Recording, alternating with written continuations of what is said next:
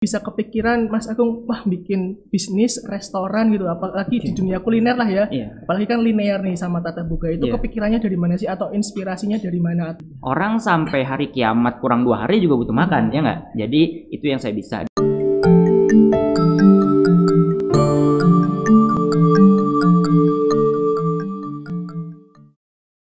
Halo Sobat UNES, kembali lagi bersama saya Febiano di podcast UNES. Nah, pada episode kali ini Sobat UNES, kita kedatangan tamu dari mahasiswa UNES yang sekarang sudah merambah bisnis nih. Bisnisnya juga nggak main-main nih Sobat UNES, sudah berada di UNES dan ada di sekitar Simpang 7 nih kalau Sobat UNES tahu. Nah, langsung saja kita, saya perkenalkan, ini dia ada Mas Agung nih ya, owner dari Katsuya. Monggo silahkan Mas buat perkenalannya. Bismillahirrahmanirrahim. Assalamualaikum warahmatullahi wabarakatuh.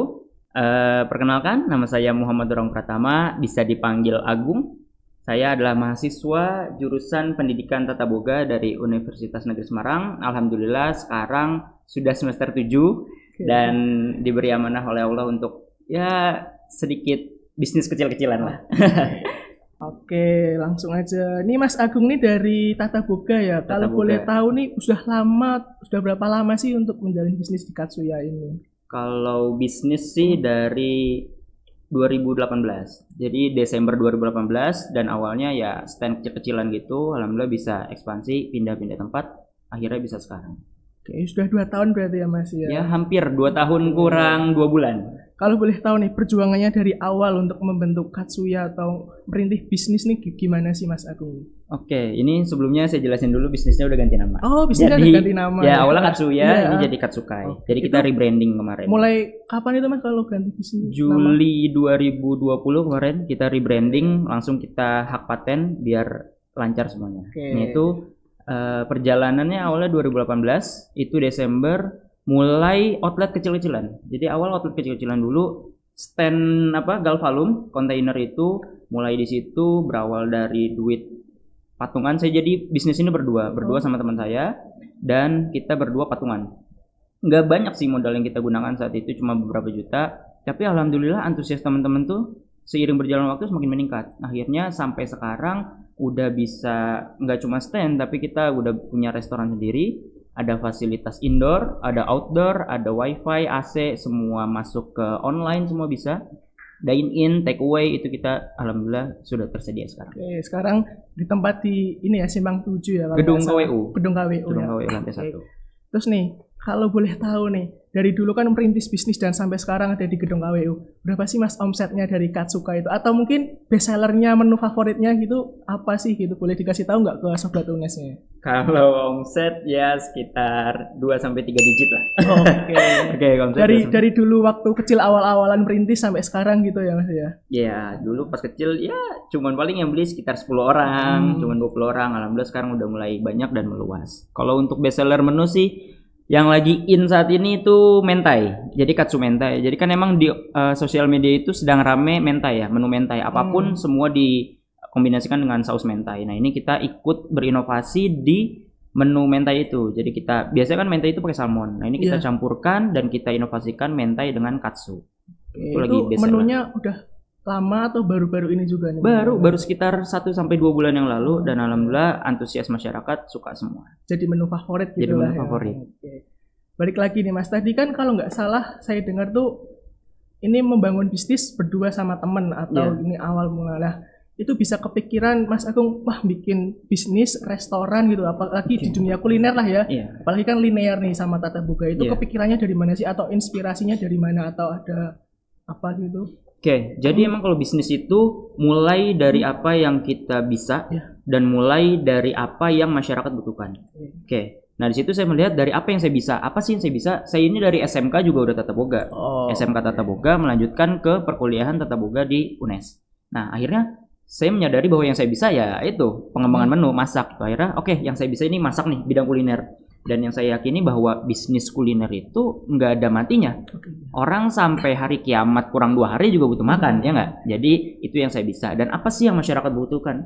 Nah akhirnya saya survei itu mas, waktu semester 1 survei jalan kaki, waktu belum ada motor jalan kaki dari kos-kosan keliling UNES apa sih peluang eh, kuliner yang belum ada di UNES. Akhirnya saya melihat bahwa Japanese food atau makanan Jepang itu sedikit karena banyaknya geprek, terus nasi goreng, magelangan, Iya. burjo dan macam-macam. Di situ saya melihat peluang dan akhirnya terciptalah ide Katsukai ini. Oke, keren sekali berarti trafficnya tuh naik terus gitu ibaratnya Alhamdulillah. alhamdulillah ya.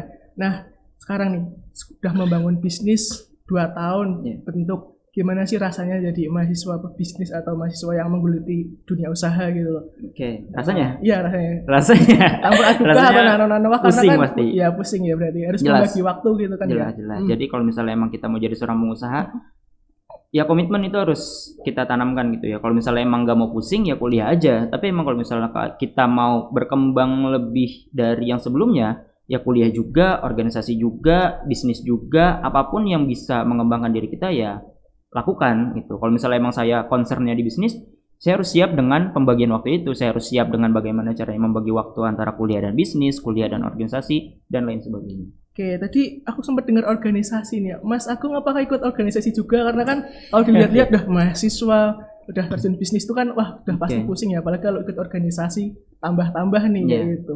Jadi emang kalau misalnya dulu semester 1 pas masih maba-maba kan Hmm. kita sering di ini ya sama cutting-cutting sering dibilangin ayo ikut organisasi. Iya. Ya akhirnya saya tertipu dengan bukan tertipu sih Kalau maksudnya terbujuk. maba-maba itu banyak sekali ini Banyak ya. pasti sampai ada yang ikut 10 organisasi mungkin ada gitu.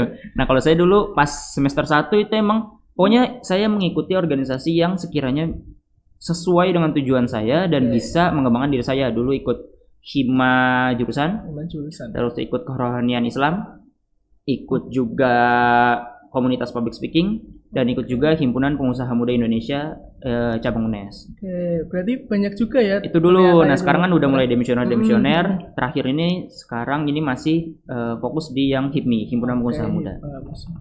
Kalau boleh tahu juga nih, sekarang time manajemennya kayak gimana sih untuk mengatur waktunya mulai dari kuliah, apalagi kan kalau boleh tadi kan udah semester-semester akhir gitulah Iya. ya. Terus juga harus mengatur bisnis juga. Hmm. Itu gimana sih time manajemennya dari Mas Agung sendiri? Oke, kalau prinsip Mm. yang saya pegang sih, kalau misal kita pengen mendapatkan sesuatu yang belum pernah kita miliki sebelumnya, maka kita harus melakukan sesuatu yang belum pernah kita lakukan sebelumnya. Jadi, kalau misalnya emang saya niat berkomitmen untuk wirausaha, ya saya harus siap untuk bagi waktunya, saya harus siap untuk pusing-pusingnya, saya harus siap untuk begadang-begadangnya itu pasti harus dilaksanakan. Karena nggak ada ya, menurut saya nggak ada yang namanya multitasking. Kita pasti manusia fokus ke satu eh, Tujuan tujuan. gitu ya, ya. benar ya. Jadi se- sesuai skala prioritas saja. Semisal emang prioritasnya hari ini mau menyelesaikan tugas eh, PPL atau kuliah, ya udah concern di situ, nggak usah mikirin yang lain. Ketika emang waktunya untuk menyelesaikan bisnis, concern di bisnis. Jadi sesuai skala prioritas masing-masing. Kalau dari Mas Agung sendiri namanya manusia tadi kan ya, pernah nggak sih ngerasa capek gitu menjalani ini semua atau malah sudah komitmen dari awal ya udah harus disyukuri apa pun yang terjadi kayak senang susahnya suka dukanya itu ya udah gitu aja gitu loh. Kalau capek ya, capek sih. Kalau menurut saya pribadi, capek itu relatif. Nah, kalau saya pribadi menjalankan bisnis ini itu dengan ya sesuai passion saya, sesuai dengan apa yang saya sukai gitu loh. Jadi kenapa saya lembur, kenapa saya begadang tapi nggak merasa capek? Karena emang saya melakukan hal yang saya sukai, melakukan hal yang saya cintai. Jadi rasa capek itu hilang. Jadi kesannya saya kalau setiap hari atau bahkan begadang di dapur untuk menginovasi menu atau resep, ya senang-senang aja karena emang saya melakukan apa yang saya suka. Karena udah passion gitu. Udah passion, ya, udah senang gitu. Jadi Dan komitmen juga ya ya. betul. Oh. Nah, komitmen dan passion itu penting sih. Bisa Hmm. menginspirasi hitungannya nih dari Enggak lah, saya juga masih belajar kok. Masih terus belajar ya sekarang Masih ya, terus belajar pasti. Oke. Kalau sebagai seorang pengusaha pasti harus belajar Hmm. terus. Untuk memulai kita cuma perlu motivasi dan keberanian. Tapi untuk sustainable, untuk bertahan di dunia usaha itu perlu pasti belajar, belajar, belajar. Apa sih yang sedang in, Hmm. apa sih yang lagi masuk nih trennya itu pelajarin semua. Nah, pertanyaan selanjutnya nih. Tadi di awal banget kan udah tanya Mas Agung ini dari prodi tata Iya. boga, pendidikan tata boga dan sekarang merambah ke dunia kuliner nih. Ya.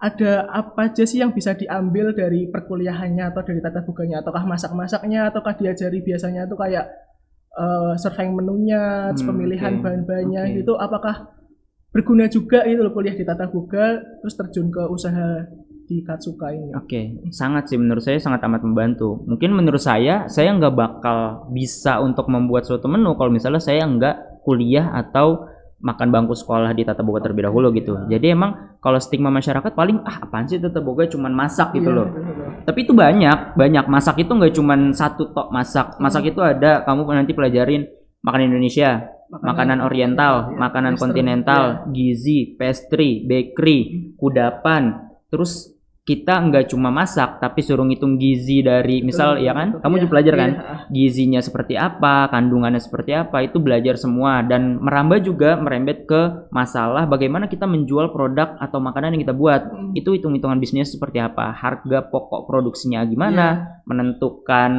fixed cost-nya apa variable cost, cost-nya apa harga jual yang bisa dan masuk masyarakat seperti apa. Jadi emang tata boga ini luas gitu loh nggak cuman masak tok gitu. Dari jadi dari awal untuk pemilihan bahan gitu juga Iya. udah ya. dari preparation Preparation sampai sampai nanti akhir. akhirnya gimana untuk Iya. menyajikan itu masakan Iya. seperti apa sih yang bisa diminati oleh masyarakat sekitar jadi luas sebenarnya ya. tata boga Nah, dari Mas Agung sendiri tadi udah ngomong panjang lebar nih. Bisa nggak sih atau sedikit tips untuk Mas Agung untuk mahasiswa-mahasiswa yang mungkin mau terjun ke dunia bisnis atau mungkin masih takut dan ragu-ragu nih. Tipsnya untuk sobat UNES mahasiswa ya gitu. Oke, kalau tips untuk teman-teman Mm-mm. semua, untuk maba-maba ya. Jadi kan ini kan sedang pandemi ya. Iya. Oke, sedang pandemi, jadi eh kita harus terus apa ya? Melakukan Survive, sesuatu, iya. survive gitu loh. Jangan sampai kita itu cuman rebahan tok, cuman diem-diem tok. Kita harus membayangkan bahwa semisal nih ya, ini kita harus memikirkan kemungkinan terburuk. Semisal pandemi ini panjang, nggak cuma satu tahun, tapi bahkan sampai tiga tahun. Apa kita mau cuman rebahan terus sampai tiga tahun itu? Apa kita mau juga ya. cuman diem doang apa emang tabungan kita udah cukup gitu kan. Jadi tetap kita harus berekspektasi buruk terhadap eh berekspektasi terhadap hal-hal baik. Tapi Hmm. jangan sampai kita tuh terlena oh lagi pandemi ah ngapain sih usaha? Lagi pandemi ya udah diem aja. Jangan sampai kayak gitu. Jadi tetap melakukan sesuatu hal yang produktif walaupun kita di rumah walaupun kita nggak ada kegiatan luar tetap melakukan sesuatu hal yang produktif. Oke, Oh, karena dulu kita tahu sendiri pandemi itu kita libur cuma dua minggu awalnya gitu. ya awalnya dua minggu keterusan sampai sebulan tiga bulan sampai sekarang. gitu kan. Dan aku pernah dengar sih kata-kata mungkin dari seorang yang mulai merintis bisnis juga atau Iya. merintis usaha. Jangan takut untuk memulai gitu Iya, istilahnya. Kita usaha juga nanti yang menggerakkan itu Tuhan atau Allah gitu. Masyarakat atau Iya. mungkin konsumen itu datang karena itu. Kita nggak perlu takut atau nggak perlu was-was terlebih dahulu. Yang penting kita usaha sesuai passion dan sesuai apa yang kita inginkan. Ya udah langsung terjun aja Betul. gitu. Oke, jadi menarik sih. Dari Mm-mm. yang Mas Febiano bilang itu benar. Emang the biggest asset in the world Mm-mm. yang kita punya itu mindset kita. Oke. Kenapa? Karena emang kalau misalnya di agama saya itu kan eh, ada hadis qudsi berkata, "Ana indazoni abdibi." Aku menurut prasangka hambaku. Jadi Tuhan kita itu atau alam semesta itu maha oke. Kalau kita mikir kita sukses, oke, sukses. Kalau kita mikir kita insecure, kita jelek, oke, Iya. insecure, jelek kamu. Tapi kalau misalnya kita mikir kita sukses, kita bahagia, kita kaya, kita bisa bisnis, alam semesta ini mempunyai responsibility untuk membuatnya seimbang, untuk mengabulkan apa yang kita pikirkan. Apa sih mindset kita ini apa sih? Oh, saya pasti bisa, saya pasti bisa, saya pasti bisa. Pasti akan terjadi. Jadi emang mindset itu penting, jangan sampai mindset kita itu diisi oleh hal-hal yang negatif. Intinya itu mindset gitu ya. Mindset ya, sangat mindset. amat penting bagi Penting. seorang pengusaha. ini tadi pandemi lagi nih, balik Oke. lagi ke pandemi dan survive lagi nih mas. Iya. Ada nggak sih eh, mentor dari awal Mas Agung usaha Oke. atau mungkin penyemangat lah dari awal dan mungkin kemarin waktu pandemi, waktu down-downnya karena kan semua pasti juga merasakan lah ya. Oke. Dan untuk bangkit lagi ada nggak sih penyemangat atau mentor-mentor seperti itu yang mungkin a- menggerakkan hati Mas Agung sendiri? Ayolah kita harus survive, kita harus jalan terus apa pun keadaannya gitu. Kalau misalnya mentor sih sebenarnya bukan masa pandemi ini aja ya. Iya. Dari awal pun dari awal saya merintis usaha itu pasti ada mentor-mentor yang mendukung. Kalau boleh saya sebut ada Bu Anin, Bu Oh. Anin dia FE. Nah itu orang yang ngajarin saya dari nol, mulai nggak ngerti investasi, nggak ngerti bagaimana cara mulai bisnis. Itu beliau yang ngajarin Bu Anin. Yang kedua ada teman-teman senior-senior dari himpunan pengusaha muda. Jadi kan kita sebagai junior nggak tahu apa-apa nih. Kita belajarlah pengalaman senior-senior ini seperti apa. Bagaimana sih kita survive di dunia kuliner atau bisnis seperti apa. Nah, itu teman-teman senior dari HIPMI juga sebagai motivasi dan yang paling besar pasti kedua orang tua kita. Jadi tujuan tujuan kita apa? Tujuan kita nyenengin orang tua. Itu sebagai motivasi, sebagai trigger terbesar kita. Jadi, oh saya pengen usaha, pengen membahagiakan, pengen naikin haji kedua orang tua kita, jadikan itu sebagai motivasi kita. Oke. Itu yang paling besar. Mulia sekali nih Sobat UNES. Mau mau menaikkan haji kedua orang tua Amin, gitu ya lah Allah, ya. kita doain. gitu kan. Oke. Nah, pengaruhnya besar nggak sih Mas kalau tadi di teman-teman HIPMI atau di himpunannya itu terhadap usaha dari Mas Agung sendiri selama ini? Apakah Sangat. selalu support satu sama lain atau Iya, gimana? iya, ya? iya, sangat-sangat besar sih. Karena emang kalau misalnya kita bergaul dengan penjual minyak wangi, Mm-mm. kita pasti akan keikutan wangi kan. Iya, Tapi kalau misalnya kita bergaul dengan ya bara api itu pasti kita akan kebagian asapnya. Nah ini sama dengan halnya manusia. Kalau kita bergaul dengan orang-orang yang mungkin nongkrong di burjo terus, main Among Us terus, main Shopee terus, itu kita nggak bakal berkembang gitu. Tapi kalau Iya. misalnya kita memilih lingkungan kita, memilih eh, tempat di mana kita bergaul, misal oh saya mau jadi seorang pengusaha, oke bergaulnya dengan teman-teman pengusaha. Nah di situ nanti akan terjadi interaksi, terjadi tukar pikiran, sharing-sharing, pengalaman, dan itulah yang bisa membuat kalian belajar untuk terus survive, belajar untuk terus meningkatkan kemampuan diri kalian. Oke, jadi kalau boleh disimpulkan ya udah udah mau akhir season gitu kan. Oke. Bisa pertama mungkin dari mindset kita sendiri gitu ya Betul, Mas ya. Mindset betul. kita mau apa, mau berusaha dan mau kalau mau baik ya baik gitu kan. Iya. Dan yang kedua circle kita sendiri gitu. Betul, kan. betul, betul. Perkumpulan kita kalau kita mau usaha berarti ya kumpulannya dengan usaha-usahawan yang Iya, lain atau gitu. Nah, kita udah ngobrol-ngobrol lama ya Mas tadi Oke. ya Mas ya udah udah ngobrol-ngobrol seputar usaha dan inspiratif. Iya. Nah, untuk terakhir kalinya ada nggak nih yang mau disampaikan dari Mas Agung ke teman-teman mahasiswa Sobat UNES ini?